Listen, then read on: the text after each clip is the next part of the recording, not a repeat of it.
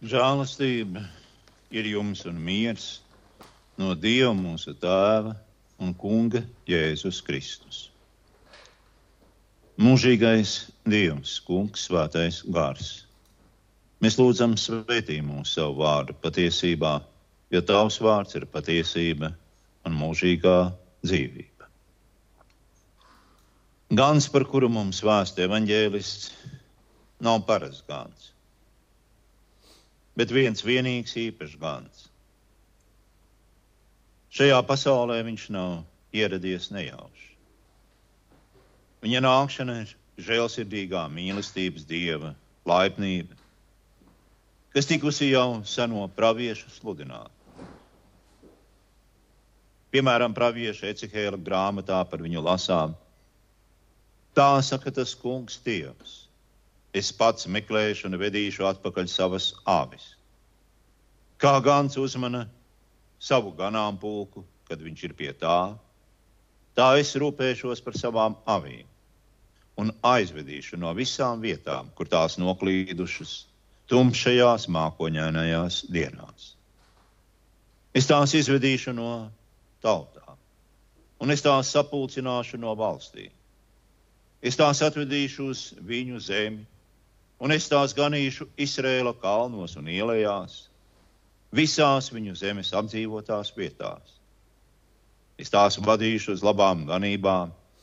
Viņu ganības būs Izrēla augstajos kalnos, tās zvilnēs labās ganībās, laknas ganības tām būs Izrēla kalnos Es ganīšu savas avis un es tās guldīšu, saka kungs Dievs.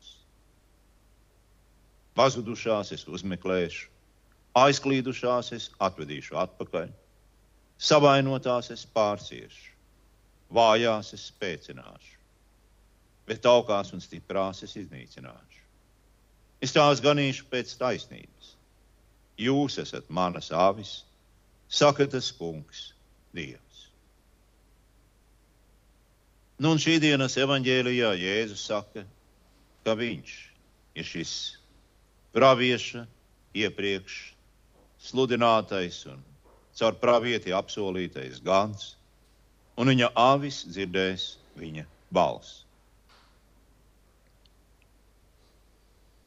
Ja viņš nebūtu atklājis pats sevi, ja viņš nebūtu nācis pie mums, mēs par viņu neko nezinātu. Mēs kā ar cita pravieša vārdiem runājot, turpinātu dzīvot grāka tumsā, klubdami pa dienas vidū. Taustītos gar sienām kā akli, gāzelētos nemaņā it kā mums nebūtu acu, rasni un labi baroti. Mēs patiesībā būtu miruši, kā lielākā daļa mūsdienu cilvēku. Atkrituši no dieva, noklīdušas āvis mirstoši un pūstoši savos mēslos, ar ko piepildīta pus pasaule. Un tajā pašā laikā bezgalā pašpārliecināti un lepni par sevi un saviem sasniegumiem. Taču apkārtējā pasaule, piesārņotā vide, skaļi kliedz un brēc, liecinot arī par piesārņotu dvēseli. Viltus gan gan piedāvā zāles, bet viņu dziedināšana ir pavirša, un tā nepalīdz un nevar palīdzēt. Kādēļ? Tādēļ, ka mums ir jādzird un jāuzklausa vienīgi labā gana balss, jo viņš vienīgais ir glābējs, pats Dievs. Tālāk tas, kas ir vajadzīgs vispirms, ir patiesa zināšanas par to, kas esam mēs paši. Tātad vispirms mums ir jāzina, kur ir Dievs, un Viņš ir Jēzu Kristu. Un tālāk mums ir jāuzdod jautājums, kas esam mēs paši. Un to, kas mēs esam, vislabāk atklāja grēksūds, jeb atzīšanās. Es nabaga grēcinieks. Tad jautājums ir katehisma jautājums. Vai tu tici, ka esi grēcinieks? Jā, es esmu grēcinieks. Kā tu to zini? no desmit baušļiem, kurus es neesmu turējis. Ievērojiet, ka jautājums ir, vai tu esi grēcinieks, Nevis vai tu esi darījis kādus grēkus. Uz pēdējo jautājumu ik viens varētu atbildēt, nu jā, protams, kaut ko jau esmu. Ja tā labi padomā, pat vairāk kā. Es zinu, ka man vajadzētu būt labākam, un es centīšos vismaz dažas lietas vērst, vismaz daļēji par labu. Tas izklausās patiesi, labi un nevainīgi. Bet tieši tas ir tas, kas cilvēkus pieviļ. Šādā veidā mēs ņemam lietas savās rokās, šķirojam savus pārkāpumus un cenšamies ar tiem kaut ko iesākt. Un tas ļauj mums justies labāk, dod mums iespējas manevrēt. Tas ir pavisam citādi nekā tad, ja stāvam Dieva priekšā apliecinot, es esmu grēcinieks. Viltus gani vilina veikt šo pirmo, patiesībā izšķirošo soli. Mudinot atzīt un labot savas vainas un nepilnības, un tik līdz tas tiek darīts, cilvēks tiek novirzīts no pirmā bauslības galdiņa pie otrā, no grēka atziņas dieva priekšā, uz pārkāpumiem cilvēku priekšā, beigu beigās uz sociālām problēmām. Un tādējādi grēcinieks pēkšņi vairs nav grēcinieks.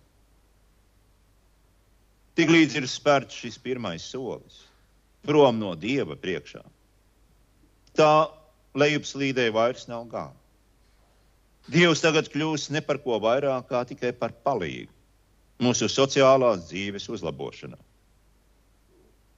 Un šeit, šajā stāvoklī, prom no Dieva priekšā, mēs atklājam kaut ko mulsinošu. Proti, mēs dzīvojam sabiedrībā, kurā nav drošu, absolūtu atskaites punktu. Lielākā daļa cilvēku dzīvo vientuļā cietumā, vieninieku kamerā, ko sauc par sevi pašu. Un, ja nav nekā ārpus sevis, par ko varam būt pilnīgi droši un pārliecināti, tad nekā tāda nav arī mūsos pašos. Patiesība līdz ar to kļūst subjektīva, iracionāla un nosacīta, jeb relatīva. Pasaulē nav nekā vairāk kā tas, par ko mums stāsta vēsture. Un jebkura vēsture ir relatīva, nosacīta, nedroša. Un tas viss, kas paliek, ir laimes rats, grāb kaut ko, jau arī pagrābt. Un tas ir tas, kā viss sadrūp un izjūg mazos, mazos gabaliņos. Lasot ciešanu stāstus pirms lieldienām, mēs dzirdējām Poncija Pilāta jautājumu, kas ir patiesība. Pilātam vismaz vēl bija jautājums. Lai gan viņš noraidīja atbildi, kura stāvēja viņa priekšā. Bet kā ar mūsdienu cilvēku, kas uzskata, ka Valoda ir sociāli konstruēta, un tādēļ tā nespēja paust patiesību. Pie tā mums vēl vairāk ir pieredzinājušas reklāmas un politiķu solījumi, neskaitāmas puspatiesības, ar kurām ir pilna mūsdienu cilvēka dzīve. Tad arī mūsdienu cilvēka spriedumi vairs nav patiesi, nepatiesi, bet labais un ļaunais tagad ir kļuvuši par piemērots un nepiemērots. Derīgs vai nederīgs man, pareizais un nepareizais tagad ir kļuvuši par labu vai sliktu izvēli, labu vai sliktu lēmumu izšķiršanu. Šāds morāls relatīvisms nav spējīgs uz grēksūdzi, jo grēksūdzi ar vienu ir dieva priekšā. Un tā ir darīšana ar grēcinieku, nevis cilvēku, kurš ir izdarījis nepareizu izvēli sabiedrības priekšā, vienalga kā pats sevis priekšā, cilvēku priekšā. Nepareiza izvēle. Labi, lai tā būtu. Bet kas notiek tad, kad Dievs izvēlas lietot cilvēku valodu, lai uzrunātu mūs? Kā tad ir ar valodu, kā tad ir ar vārdiem?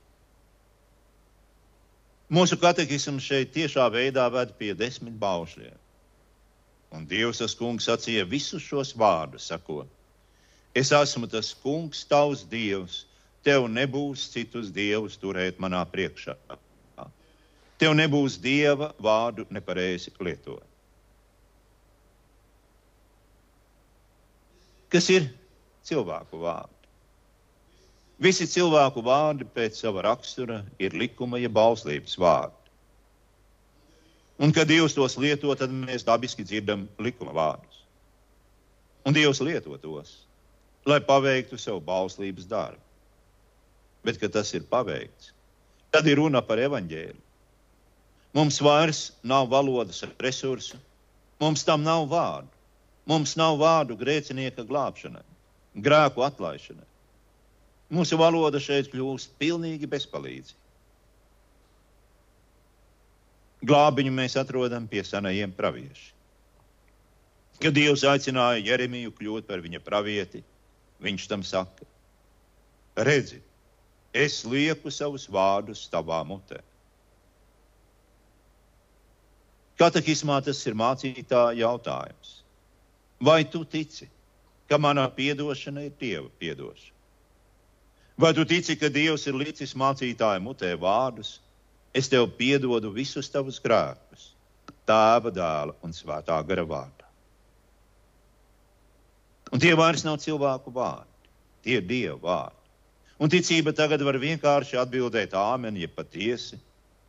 Jo vārdi, kurus tā dzird, nav politiķa vai reklāmas aģente, bet paša Dieva vārdi, kurš vienmēr dod to, ko viņš saka.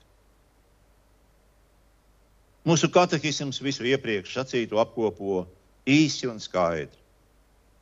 Es ticu, ka es ar savu pašu prātu un spēku nevaru uz Jēzu Kristu savu kungu ticēt, nec pie viņa nāk. Tad svētais gars ir mani ar evaņģēlu aicinājis, ar savām dāvanām apgaismojis, pareizā ticībā darījis svētu un uzturējis Tāpat kā viņš visu kristīgo draugu virs zemes aicina, pulcina, apgaismo, dara svētu, un pie Jēzus Kristus uztur vienīgā pareizā ticība. Šajā kristīgajā draudzē viņš man un visiem ticīgiem ikdienas visus grēkus bagātīgi piedod, un vasarā dienā mani un visus mirušos uzmodinās, un man līdz ar visiem kristum ticīgajiem dos mūžīgo dzīvošanu tas tiešām tiesa, jeb āmen. Tādējādi mēs atkal un atkal atklājam evaņģēlijos un katehismā, kas sargā evaņģēliju, ka Jēzus vēsts, viss kristīgās ticības saturs un jēga ir dzīvība.